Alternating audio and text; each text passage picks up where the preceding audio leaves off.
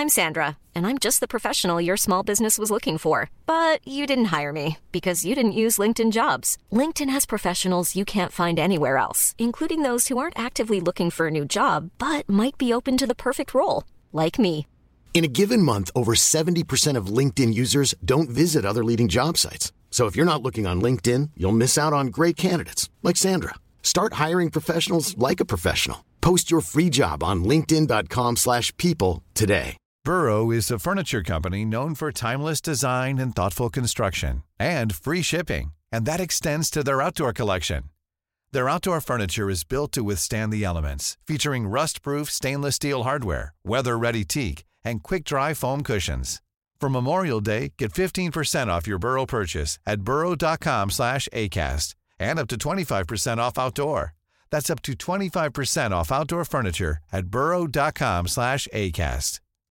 Millions of people have lost weight with personalized plans from Noom, like Evan, who can't stand salads and still lost 50 pounds. Salads, generally, for most people, are the easy button, right?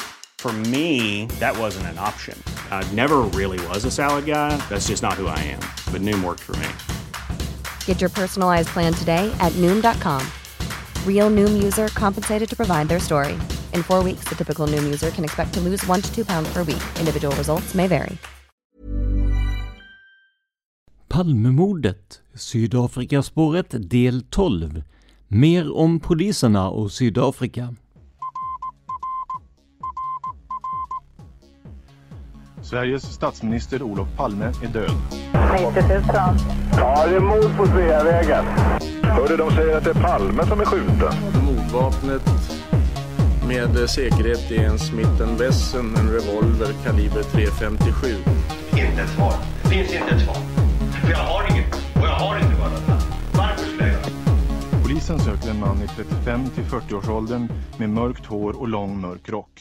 Välkomna till podden Palmemordet som idag görs av mig, Tobias Henriksson på PRS Media. När det här spelas in är det början av februari 2023 och jag och Dan laddar för den årliga Palmevandringen. På grund av pandemin har vi tvingats ha uppehåll med detta i två år, men nu är det alltså dags igen. Om du tillhör dem som blivit inbjuden, det vill säga har sponsrat oss en längre tid på Patreon, ja, då ska du ha fått inbjudan skickad till dig. Om du vill stötta oss och samtidigt kunna delta i nästa års Palmevandring, gå in på patreon.com palmemodet och välj en summa som du stöttar oss med per publicerat avsnitt. Det är alltså patreon.com palmemordet. Och det är bara nya avsnitt som debiteras, så om det blir som i slutet av 2022 då vi tvingades köra repriser så betalar du alltså ingenting för dessa. Jag vill också påminna om att det kommer att hållas en Palmemordskonferens anordnad av personerna bakom Palmemordsarkivet i slutet av februari. Anmälan är tyvärr stängd för den här gången, men vi hoppas att detta blir ett årligt återkommande event. Där har ni också möjlighet att träffa Dan och mig samt en massa spännande gäster. Men nu tillbaka till den oavslutade historien om svenska poliser och deras resor till Sydafrika. För som ni kanske minns från tidigare avsnitt avslöjade Ekot i Sveriges Radio samt kvällstidningarna att poliser inom ramen för det internationella polissamarbetet IPA rest till Sydafrika under en tid då landets värderingar knappast var något svenska statliga tjänstemän ville förknippas med. Det här väckte ont blod såväl i polisledningen som i media och Sven-Åke Hjälmroth bestämde sig för att tillsätta en utredning för att komma till botten med uppgifterna. I brev som citeras i media har poliserna berättat om att de njöt av maten och sällskapet, inklusive de underbara flickorna. Och för att sammanfatta förra avsnittet i det här ämnet så konsulterar jag Aftonbladet från den 5 november 1987. Artikeln som jag kommer att citera, den ligger för övrigt strax över en blänkare om en präst som strippade på ett tåg och greps av polis. Något som i alla fall i min värld ter sig ganska ovanligt. Men det är inte det vi ska prata om nu, utan vi ska sammanfatta förra avsnittet lite snabbt. Citat. Rubrik Svenska poliser hyllade Sydafrika. Ingress Två poliser från Norrmalms polisdistrikt har skrivit en artikel i en sydafrikansk polistidning. Där står att svenska polisen behöver den sydafrikanska pansarbilen Caspir som används mot demonstranter och att de aldrig glömmer det underbara landet. Slutingress. Det visar att de verkligen varit där, säger Roland Ö i polisstyrelsen. Det låter som att det är ett klart fall för ansvarsnämnden för att besluta om avsked. Arrangörerna till besöket av de svenska polismännen i Sydafrika var den internationella polisföreningen IPA, härefter benämnt IPA. Samma förening som ordnade bostad åt den 27-årige polisassistenten som reste dit på bröllopsresa. Mellanrubrik Glömmer aldrig. Det är Dagens Nyheter som citerar de stora regeringstrogna tidningarna Bild och Die som i stora artiklar i maj 1986 berättar om de svenska polismännens entusiasm i den sydafrikanska polistidningen. Jag glömmer aldrig ett land, skriver poliserna. Jag har bjudit polismännen i Stockholm på en sydafrikansk afton och de blev jätteförtjusta. Med stor entusiasm berömmer de sina sydafrikanska kollegor och deras antikravallutrustning. Mitt största problem just nu är att övertyga Sveriges regering om att vi behöver sydafrikanska pansarbilar. Pansarbilen Caspir skulle enligt polismannen göra stor nytta i Sverige. Den används i Sydafrika för att patrullera i svarta stadsdelar och för att slå ner demonstrationer.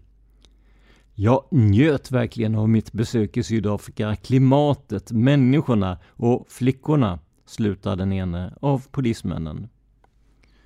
Där slutar vi citera artikeln signerad Niklas Krantz. Och Niklas Krantz har även skrivit en intilliggande artikel med rubriken Vi kommer att kräva att de avskedas. Ingress Stockholmspolisens klagomålssektion utreder nu uppgifterna om poliser som rest till Sydafrika för att träffa kollegor. En förortspolis ska tillsammans med minst två kollegor ha tränat med sydafrikansk kravallpolis. Slutingress. Även en före detta medlem i den så kallade baseballligan, numera FN-officer i Libanon, förekommer i sammanhanget.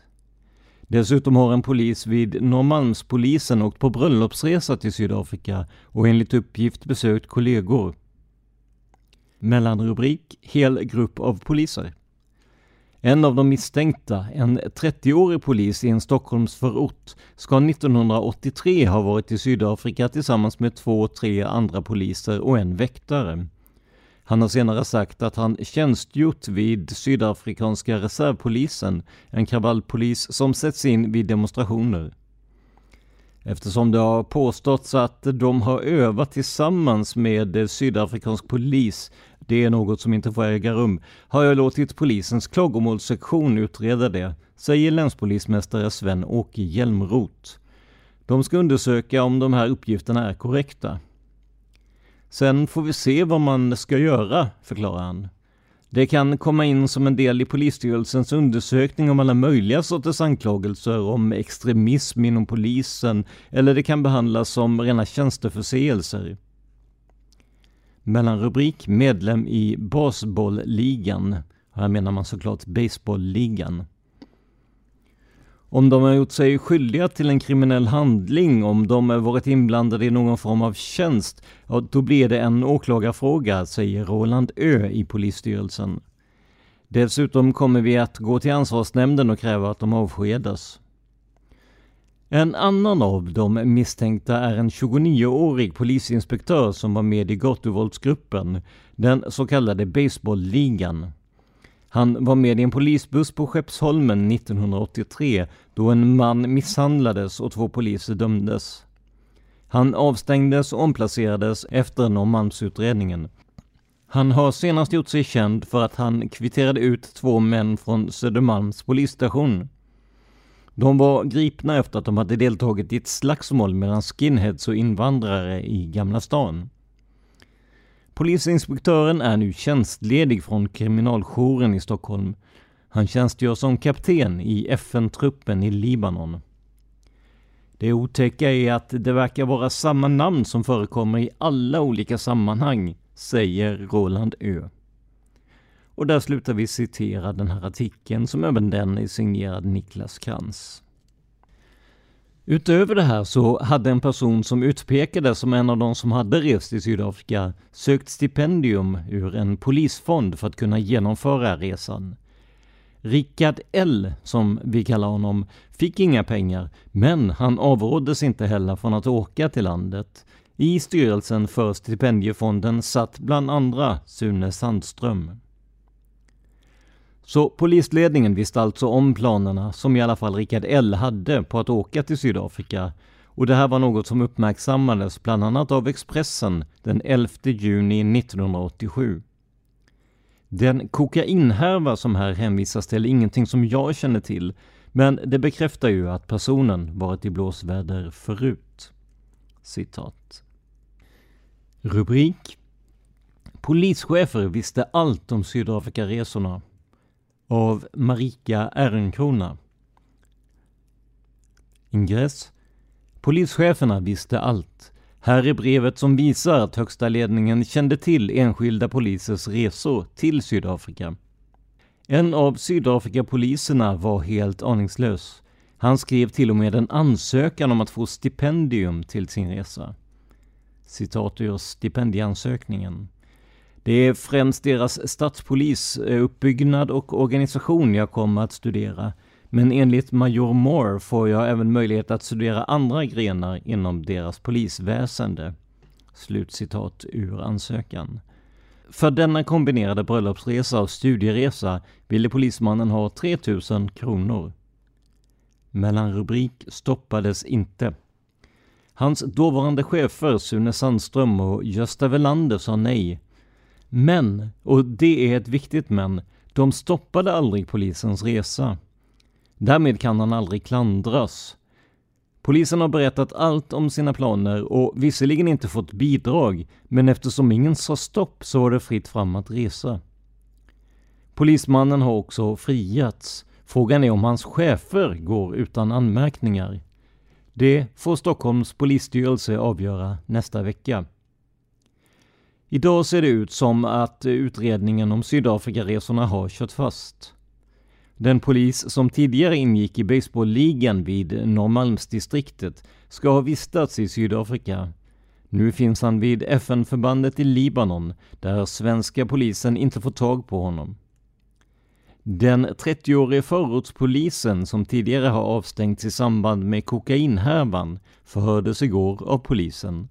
Men han vägrar att säga något om sin resa till Sydafrika. Det här börjar likna Sovjet, jag behöver inte redogöra för mina semestrar, sa han i förhöret igår. Där stannar också utredningen. Det går inte att komma längre när han vägrar säga något och vi har ingen rätt att pressa honom mer, förklarar polisens utredare. Slut citat. Ni hörde ju Rickard L själv berätta i det föregående avsnittet på samma ämne. Men jag tänker att vi måste ta ett grepp på hela proceduren med stipendier för att se vad polisledningen visste och varför Rickard uttryckte sig som han gjorde i förra avsnittet. Så här löd den ansökan om stipendium som han lämnade in, med språkliga fel bibehållna. Citat. Stockholm 85 01 28. Ansökan om bidrag ur CG Västerdals stipendiefond. Jag, Rickard L. Efternamnet utskrivet, personnummer, med tjänstgöringsnummer, nummer, kommer den 29 mars att åka på semester med min fru till Cape Town i Sydafrika. Kommentar här är det alltså särskrivet. Vi kommer att vara där till den 14 april och under denna tid kommer jag att genom Major Roy Moore, som är en sydafrikansk kollega, få studera polisväsendet där. Det är främst deras stadspolis uppbyggnad och organisation jag kommer att studera, Men enligt Major Moore får jag även möjlighet att studera andra grenar inom deras polisväsende. Jag har kommit i kontakt med Major Moore genom chefsredaktören för den svenska IPA-tidningen, Ronald B, som jobbar i Göteborg. På begäran kan jag översända kopia på de brev jag fått från Major Moore, som är så kallad Vice President of the South African IPA. Jag önskar med detta brev erhålla bidrag för resan ur CG Westerdals stipendiefond. Jag önskar 3000 kronor som bidrag och bifogar kopia på kvittot över betalda flygbiljetter till Sydafrika som kostade 7190 kronor styck. Jag gjorde en liknande resa i juli 1983 men fick den gången inget bidrag. Resultatet av det studiebesöket i Västtyskland ligger för närvarande hos svensk polis och ska finnas att läsa i tidningen någon av de närmaste månaderna, hoppas jag. Med vänlig hälsning Rickard L. Adress och telefonnummer. Slutcitat. Här finns alltså namn på en major som man vill besöka och kontakt är upprättad genom honom. Men just vad det gäller den här biten var stipendiefonden inte så imponerade. Man avrådde inte från resa, men sa att man inte kunde bidra med pengar då en sån resa kunde anses olämplig. Däremot fick kollegor till Richard L pengar för en resa till England, där landets polisväsende skulle undersökas. Richard L känner sig uppenbarligen allt mer pressad av ryktena om hans förbindelser med Sydafrika, så han väljer att själv skriva ett PM och ge sin syn på saken. Det är lite oklart om han författade den självmant eller på uppmaning av polisen, men under alla omständigheter kom den utredningen till handa. Det kan ju också ha varit så att pressen från pressen, om man säger så, fick honom att skriva PMet. Så här står det i alla fall. Citat. Stockholm 87 11 05 PM beträffande DNs och Expressens artikel den 5.11. Man vill i tidningarna göra gällande att jag gjort ett uttalande i Sydafrikas IPA-tidning om vilka bra pansarfordon de har och att jag skulle ha anat en slags sydafrikansk afton här för kollegor. Sanningen är denna. Sista dygnet i Sydafrika under vår bröllopsresa fick vi bo hos en kvinnlig polis vid namn Dossi Engelbrecht som ansvarar för Sydafrikas IPA-arrangemang.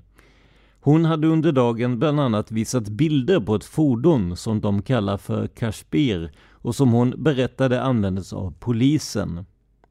Min första reaktion över fordonet var att det inte var något polisfordon utan ett arméfordon, vilket vi skojade om. På kvällen bjöd Dossi och hennes man på en middag som de kallade brai och som innebar att man grillade meterlånga korvar och stora köttbitar, något som kan jämföras med vad vi kallar barbecue eller grillafton. Dossi menade att en brai var något speciellt för SA och att detta var en sydafrikansk afton hon och hennes man ville bjuda på innan jag och min fru åkte tillbaks till Sverige. När vi sedan kom hem skrev jag ett brev till Dossi där jag framförde en hälsning från Ronald B och tackade för den gästfrihet som visats oss i deras hem. Vidare skrev jag att jag bjudit på en sådan sydafrikansk afton som hon bjudit oss på. Det var emellertid inte några kollegor utan mina anhöriga som bjöds på detta.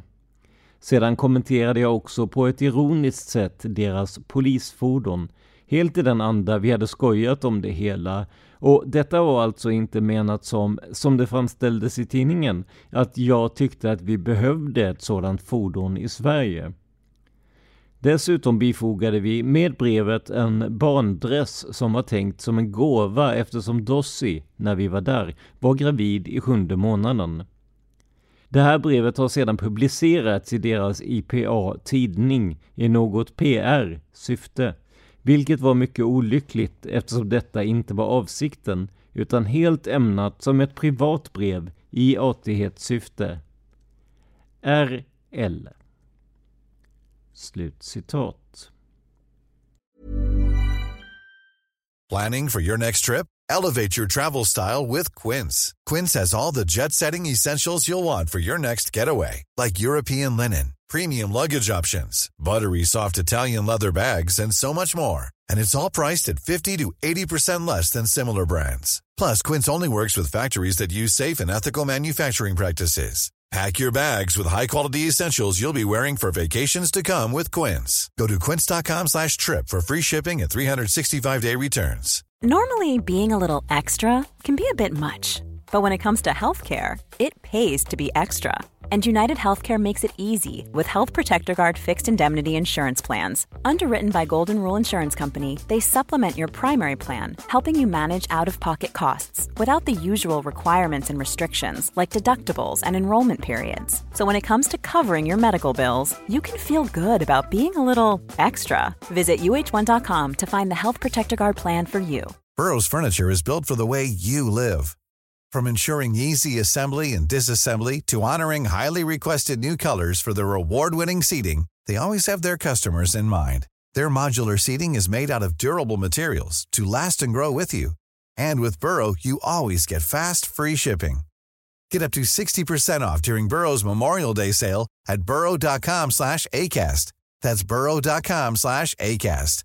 burrow.com slash ACAST. Ja, Rickard slår alltså undan kritiken mot honom och hans resa, men han tycks vidgå det faktiska händelseförloppet. Men han får det att låta mer eller mindre som en vanlig semesterresa, tvärt vad tidningarna och Ekot beskrivit det som. Vi ska snart återvända till den Ronald B som nämns i brevet. Men först ska vi höra ett förhör med en polisman vid namn Peter B som också ryktades ha varit på resa i Sydafrika. Men att förhöra honom verkade från början lättare sagt än gjort. Det framgår av en utredningsanteckning som gjordes i ärendet. Citat. Utredningsanteckningar 1987 11.04 klockan 18.30 ringer jag till extra polisassistenten Peter B och informerar om den utredning som länspolismästaren beslutat om i detta ärende.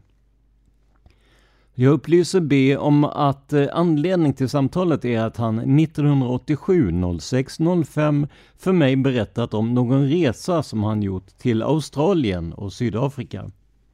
På förfrågan uppger B att han inte är villig att berätta om sin resa till Sydafrika eftersom han vid denna tidpunkt inte var anställd vid polisväsendet. Han anser att ett sådant samtal liknar en åsiktsregistrering. B uppger vidare att han besökt både Sovjet och Kina utan att vara kommunist. Kort innan mitt samtal med B hade han haft besök av en journalist från Aftonbladet. Tord Pettersson, polisintendent. Slut citat. Tids nog så blev det ett förhör ändå, men Peter tycks fortfarande inte vara helt nöjd, eller ens bekväm med situationen. Så här säger han i alla fall i förhöret, citat. Bandupptagning av samtal mellan extra polisassistenten Peter B och polisintendenten Tord Pettersson Samtalet äger rum den 14 december 1987 i Gamla polishuset i Stockholm med början klockan 12.12. 12. Tord Pettersson benämns P, Peter B, B. P. Peter, eh, du har innan samtalet påbörjats här eh, fått tagit del av länspolismästarens beslut av den 4 november 87 att vi här på klagomålssektionen ska utreda om några polismän har besökt Sydafrika och då där deltagit i övningar och utbildningar och så, då vet du vad det här samtalet gäller? B. Ja. P. Det är enligt uppgift varför jag har bett dig uttala dig. Det är därför att det har gått rykten i pressen att du har varit i Sydafrika och dessutom så har du ju berättat för mig där vid ett tidigare tillfälle. Innan jag låter dig berätta så ska vi reda ut när du började vid polisen.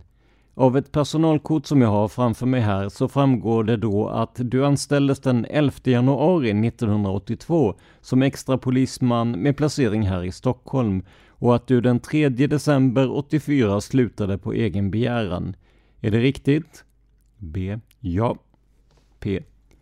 Vidare finns det antecknat här då att du den 1 mars 86 erhöll anställning som extra polisassistent här då och den tjänsten har du fortfarande samt att du under tiden 1 september 86 till 25 maj 87 var ledig för studier. Är det också riktigt? B. Ja. P. Ja, då kan du väl... Ehm, då har vi klart dina personella uppgifter. Då kan du vara vänlig och berätta vad du vill säga och vad du har gjort i Sydafrika. Varsågod. B.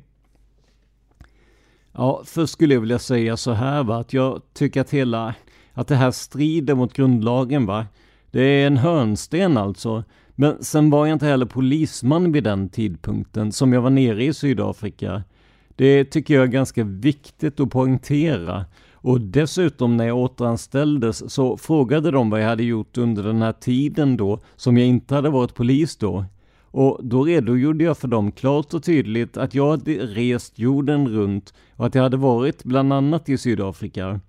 Och det tror jag säkert det finns något protokoll på. Så det är aldrig någonting eh, som jag undanhållit på något som helst vis. Sen skulle jag också vilja poängtera att min Sydafrikaresa, det var ingen enskild resa rakt ner till Sydafrika, utan det var ett led i en stor jorden runt-resa jag gjorde. Och jag besökte inte bara Sydafrika, utan jag var i hela södra Afrikaregionen. Bland annat så var jag i Zimbabwe, Botswana också och besökte några sådana här så kallade hemländer också. Kommentar, det som vi tidigare kallat för Homelands, slutkommentar. Ja, vill du veta exakt vilken tid som jag var där nere så har jag ju mitt pass med mig här så det kan du ju kolla då om du vill. P. Eh, vi kan titta i passet. Så du menar att du åkte jorden runt och besökte bland annat Sydafrika efter den tidpunkt då du beviljades en blev entledigad som polis 84 då? B. Ja, just det. Jag var alltså jag var alltså inte anställd längre i Stockholms polisdistrikt. P.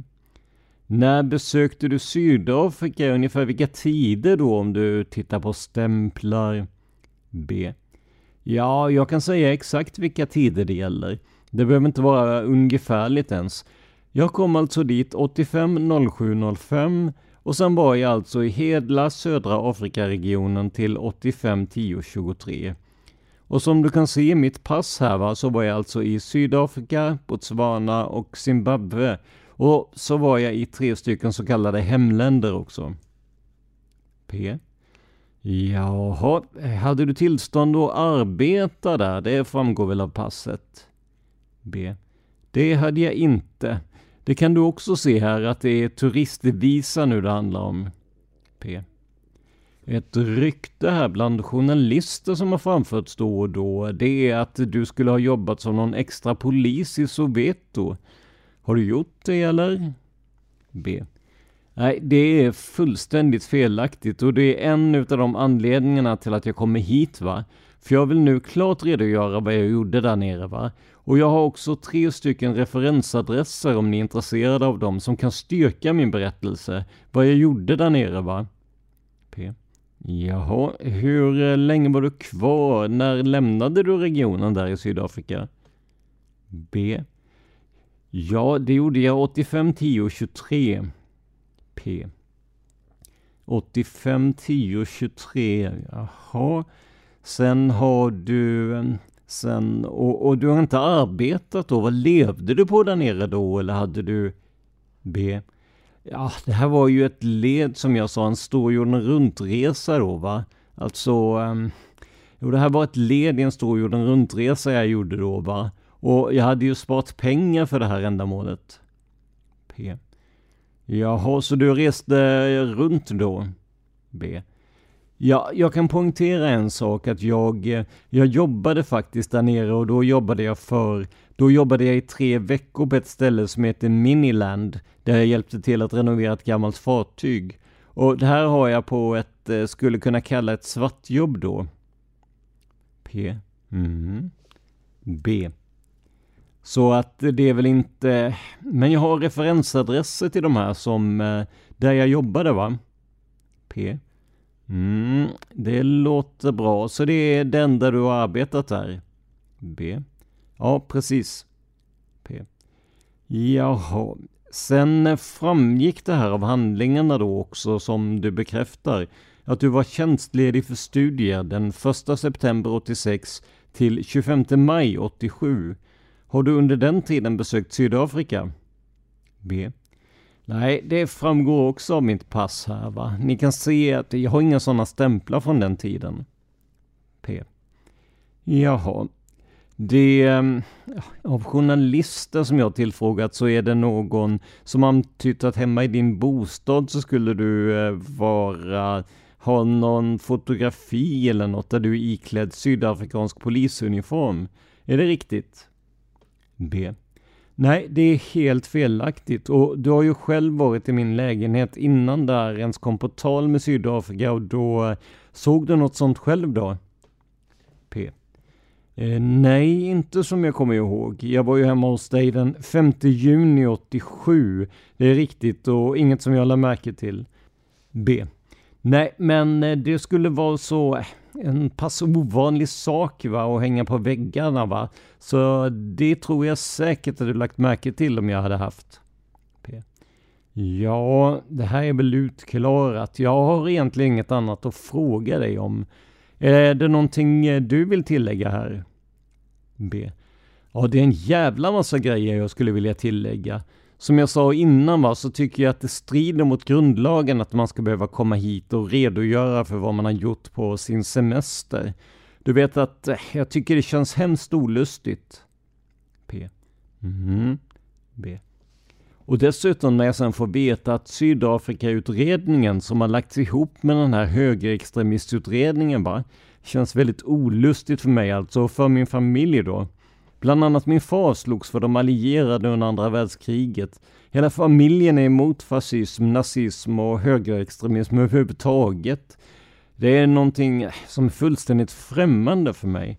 Jag tycker det verkligen är fräckt alltså att slå ihop det på det viset, så att mitt namn smutskastas på det viset. Jag har själv varit um, Eh, jag har själv varit medlem sedan 1980 i ett av de fem partier som representeras i våran riksdag. Dessutom kan du se här själva, jag är med, eh, har varit medlem sedan Röda Korset sedan 1980 va. Och det är en organisation som inte ens släpps in i, ohörbart, som styrs utav Sydafrika. De är alltså emot det va. Det visar, ehm, det tycker jag visar att jag är en humanist och ingen jädrans extremist. P. Nej. Jag också visar det här då att du har ju skrivit vi har ju bett UD kolla upp det här då och du har ju tydligen skrivit något brev eller som har refererat till någon IPA-tidning där nere. Är det riktigt? B. Ja, det är helt riktigt. Det har jag skrivit ja. P. Vem har du skrivit det brevet till eller är B?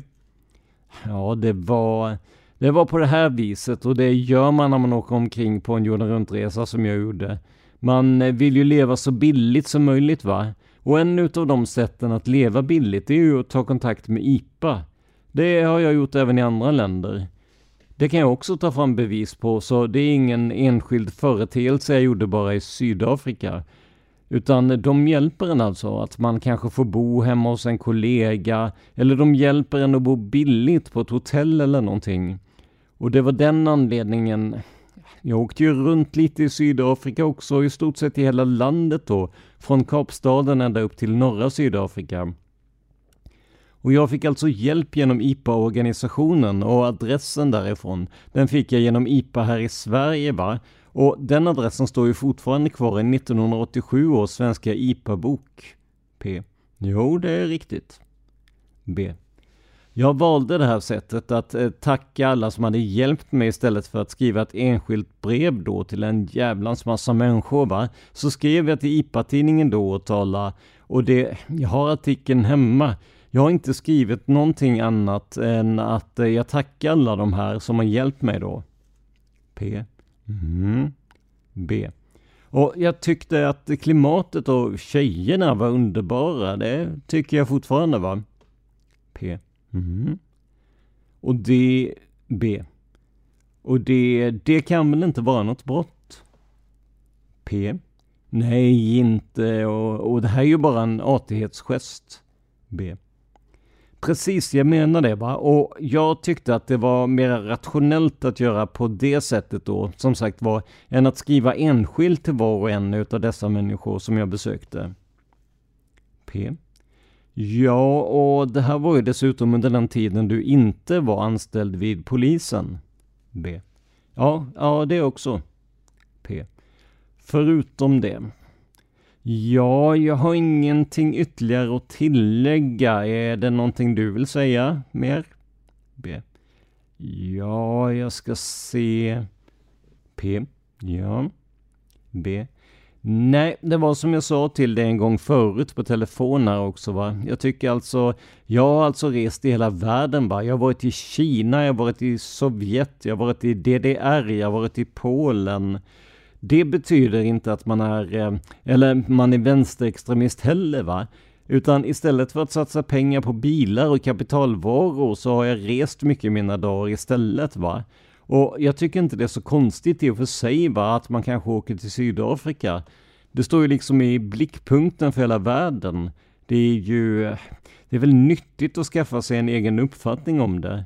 Men jag vill än en gång poängtera att det är bara jag, jag åkte inte till Sydafrika som en enskild resa bara dit och hem va. Utan det var alltså ett led i en stor jorden runt-resa. Där jag besökte kanske ett 40-tal olika länder va. Och det kan du också titta i mitt pass här att allt innehöll eh, Det är nu 1985 som jag var på den här resan va. P. Ja, jag B. Och, och dessutom så har jag svarta kamrater också. Det kan jag också lämna dig i telefonnummer. Jag kan ta hit dem för du ser dem själva att de är svarta. P. Ja, jag har ingen anledning att betvivla dig, det är B. Nej, nej, jag förstår. Jag hoppas eh, du förstår att man blir lite upprörd när något sånt här händer en, va. Jag tycker att det är fruktansvärt olustigt som jag sa innan, va. Mitt namn dras in i sådana här saker. P. Mm, ja, jag har inget ytterligare Peter. Ska du titta igenom dina anteckningar om du har något mer där som du vill ha framfört? B. Mm. Nej, nu är det bra. P. Då får jag tacka dig. Då är samtalet slut 12 och 23. Tack ska du ha. B. Tackar. Underskrivet Tord Pettersson och där slutar vi citera från förhöret. Några saker tycker jag är intressanta här. För det första datumet då Peter B återigen blev extra polisman, alltså den 1 mars 1986. Det är dagen efter att Olof Palme mördats. Säkerligen är det bara en slump, men icke desto mindre fångade det mitt intresse. En annan sak jag reagerar över är hur Peter reagerar på frågorna. Han säger bland annat att de tycks bryta mot grundlagen. Ett ordval som är ganska starkt för att komma från en polis. Han är också noga med att betona att han har svarta vänner, som att man inte skulle kunna tycka illa om färgade människor för det. Jag får onekligen känslan av att Peter är rädd, eller i vart fall mycket försiktig med vad han säger i det här dokumentet. Men vi hade ju personerna från IPA också. Vad säger de? Vi börjar med den tidigare nämnde Ronald B som förhörs på telefon den 5 november 1987.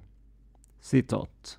Här är det Edvin Grundsten, benämnd G, som håller i förhöret.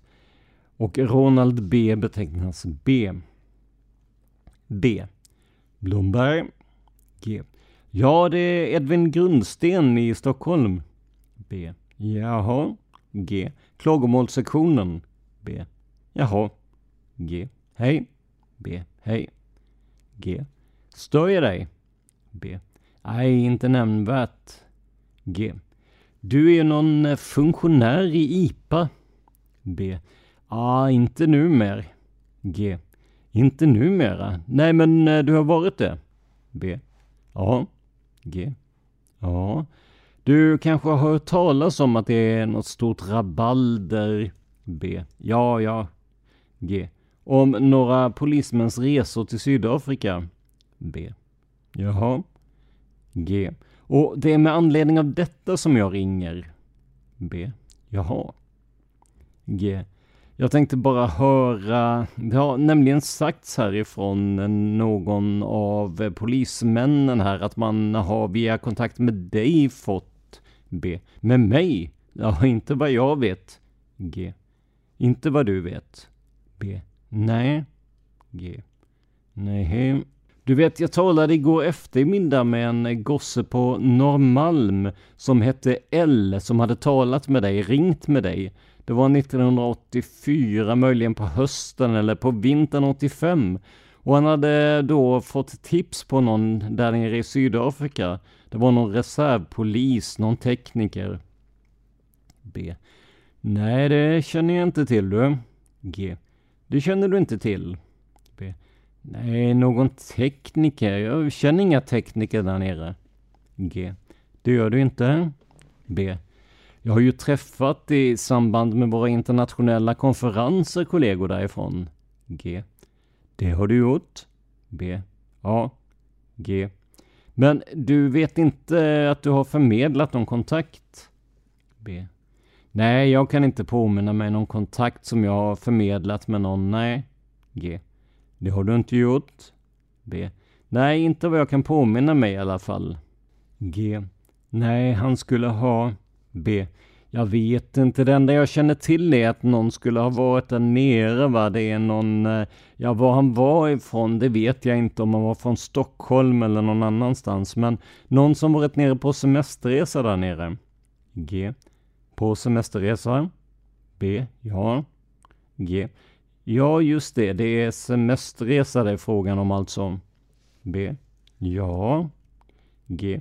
Det var en kombinerad semester och bröllopsresa. B. Jaså, jaha. G. Han åkte ner med sin fru. B. Jaha, jaha. G. Minns du då kanske? B. Nej. G.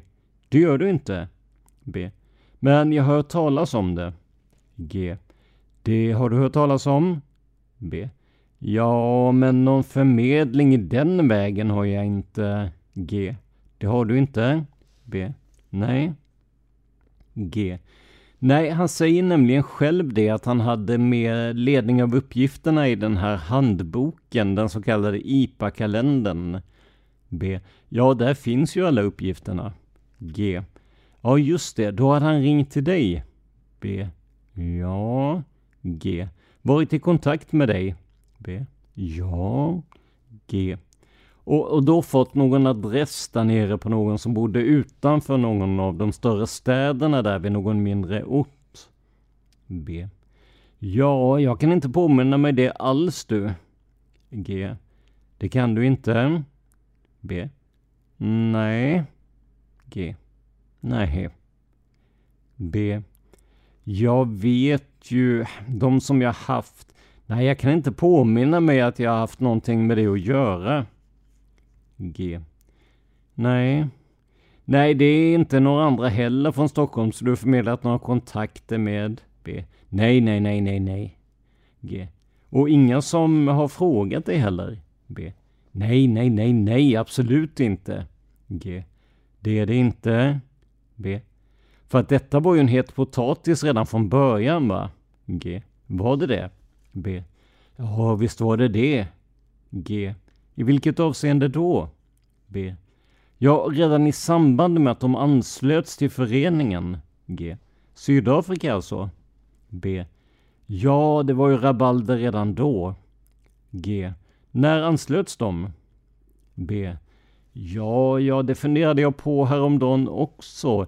Jag kan inte med säkerhet säga om det var 1982 eller om det var 85. G. Nej. B.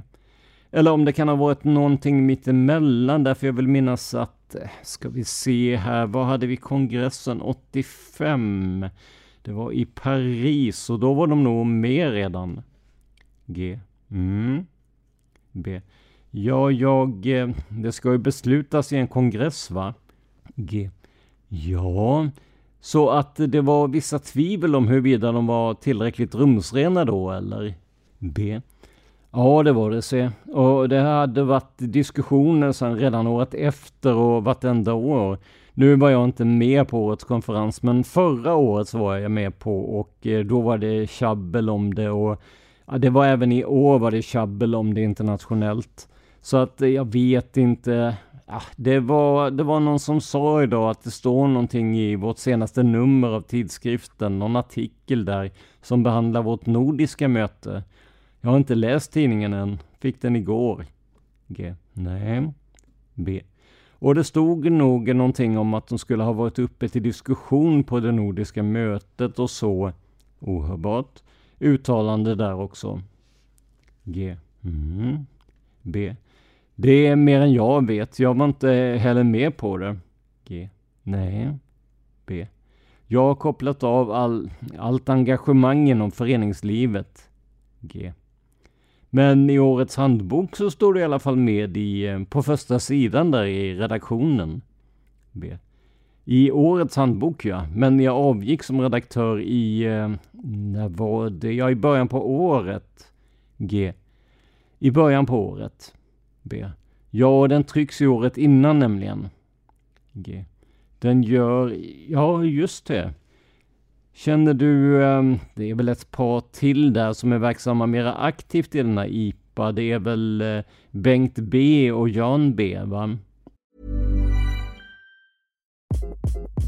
Hi, this is Craig Robinson from Ways to Win and support for this podcast comes from Invesco QQQ the official ETF of the NCAA. Invesco QQQ is proud to sponsor this episode and even prouder to provide access to innovation for the last 25 years. Basketball has had innovations over the years too. We're seeing the game played in new ways every day. Learn more at Invesco.com slash QQQ. Let's rethink possibility. Investco Distributors, Inc.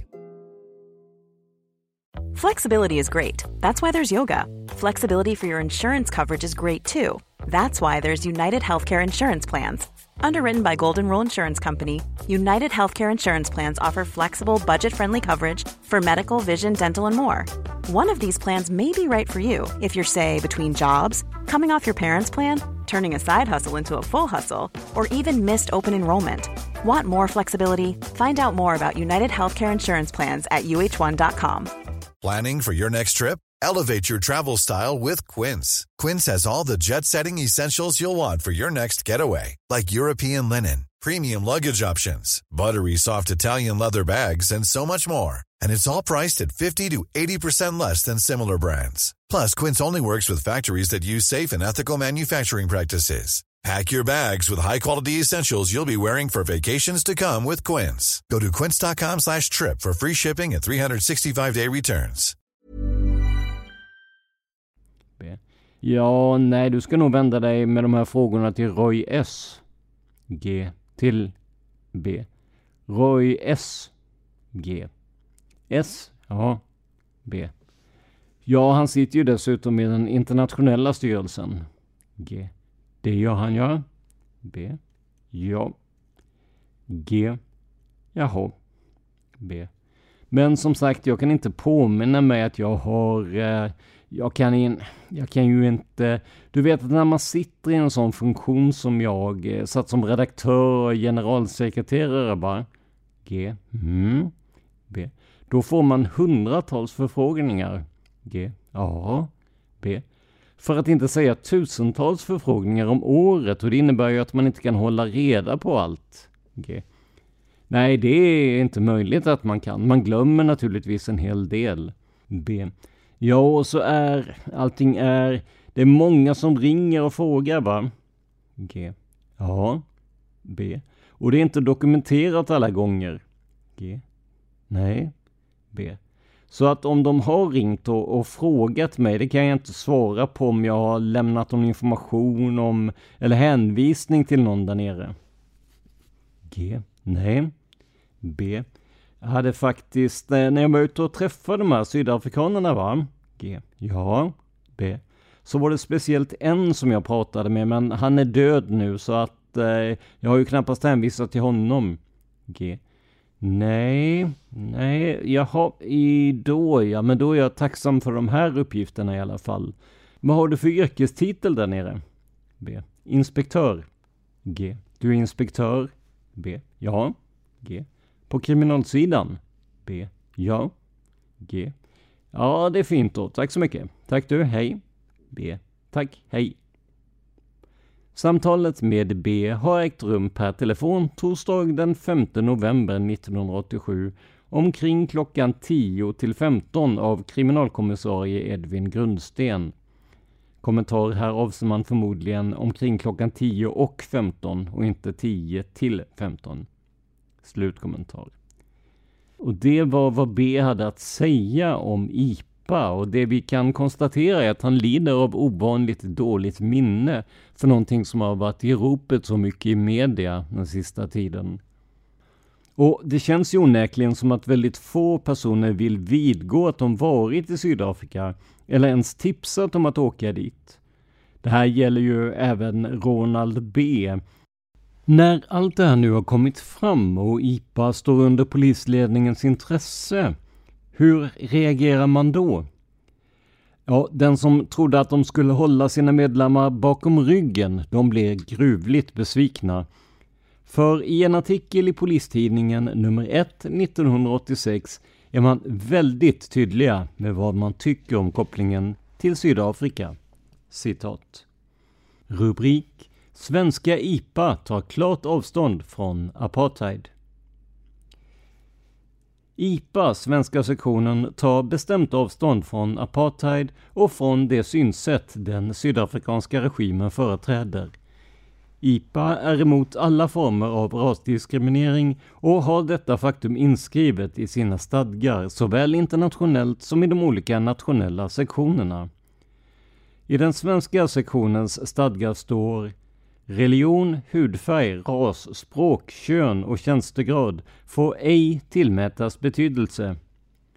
Detta är en direkt översättning av de internationella stadgarna.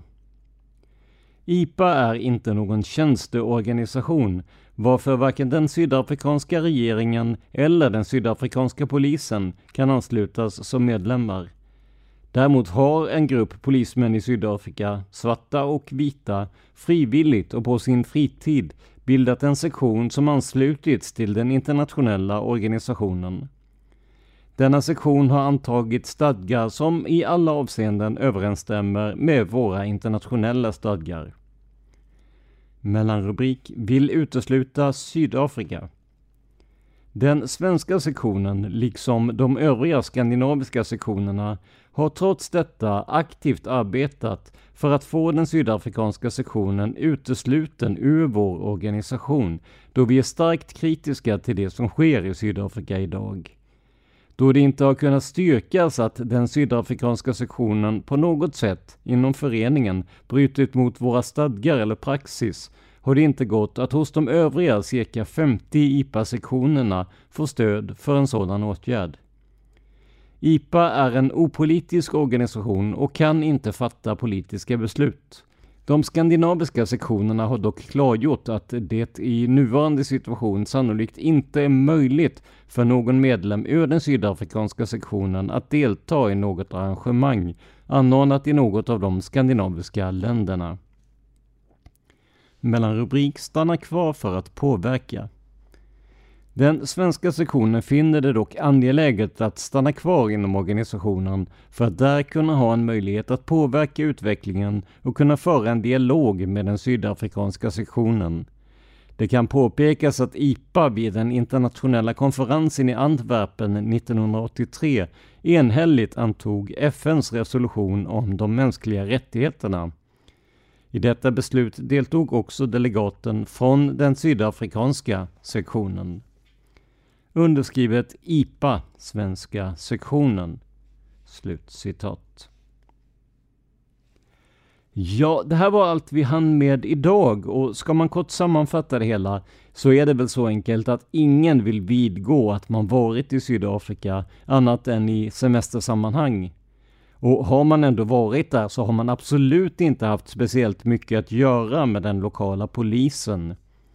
Och IPA i Sverige har definitivt inte förmedlat några kontakter, i alla fall inte vad organisationen själva kan minnas. Och dåligt minne, det är ju ett verkligt tillstånd för många. Men det kan också vara väldigt bekvämt om man inte riktigt vill berätta vad som egentligen har ägt rum. Det finns mycket mer att ta del av i det här dokumentet, men vi kommer att sprida ut det lite under tiden vi jobbar med Sydafrikaspåret, så att det inte bara blir kravstoppning. Men tids nog ska vi redogöra för utredningens slutsatser och också försöka ta reda på vad som hände med de utpekade poliserna. Men det blir i senare avsnitt. Glöm inte att ni kan sponsra oss och därmed få en möjlighet att bli inbjudna till nästa års Palmevandring. Alla sätt att göra detta på, ja det hittar du i avsnittsbeskrivningen. Om du vill komma i kontakt med oss så gör du det enklast på den mailadress som alla Dans poddar har, nämligen simwaypodcast gmail.com. Det är alltså Z-I-M-W-A-Y podcast at gmail.com. Det här var veckans avsnitt av podden Palmemordet som idag gjordes av mig, Tobias Henriksson på PRS Media.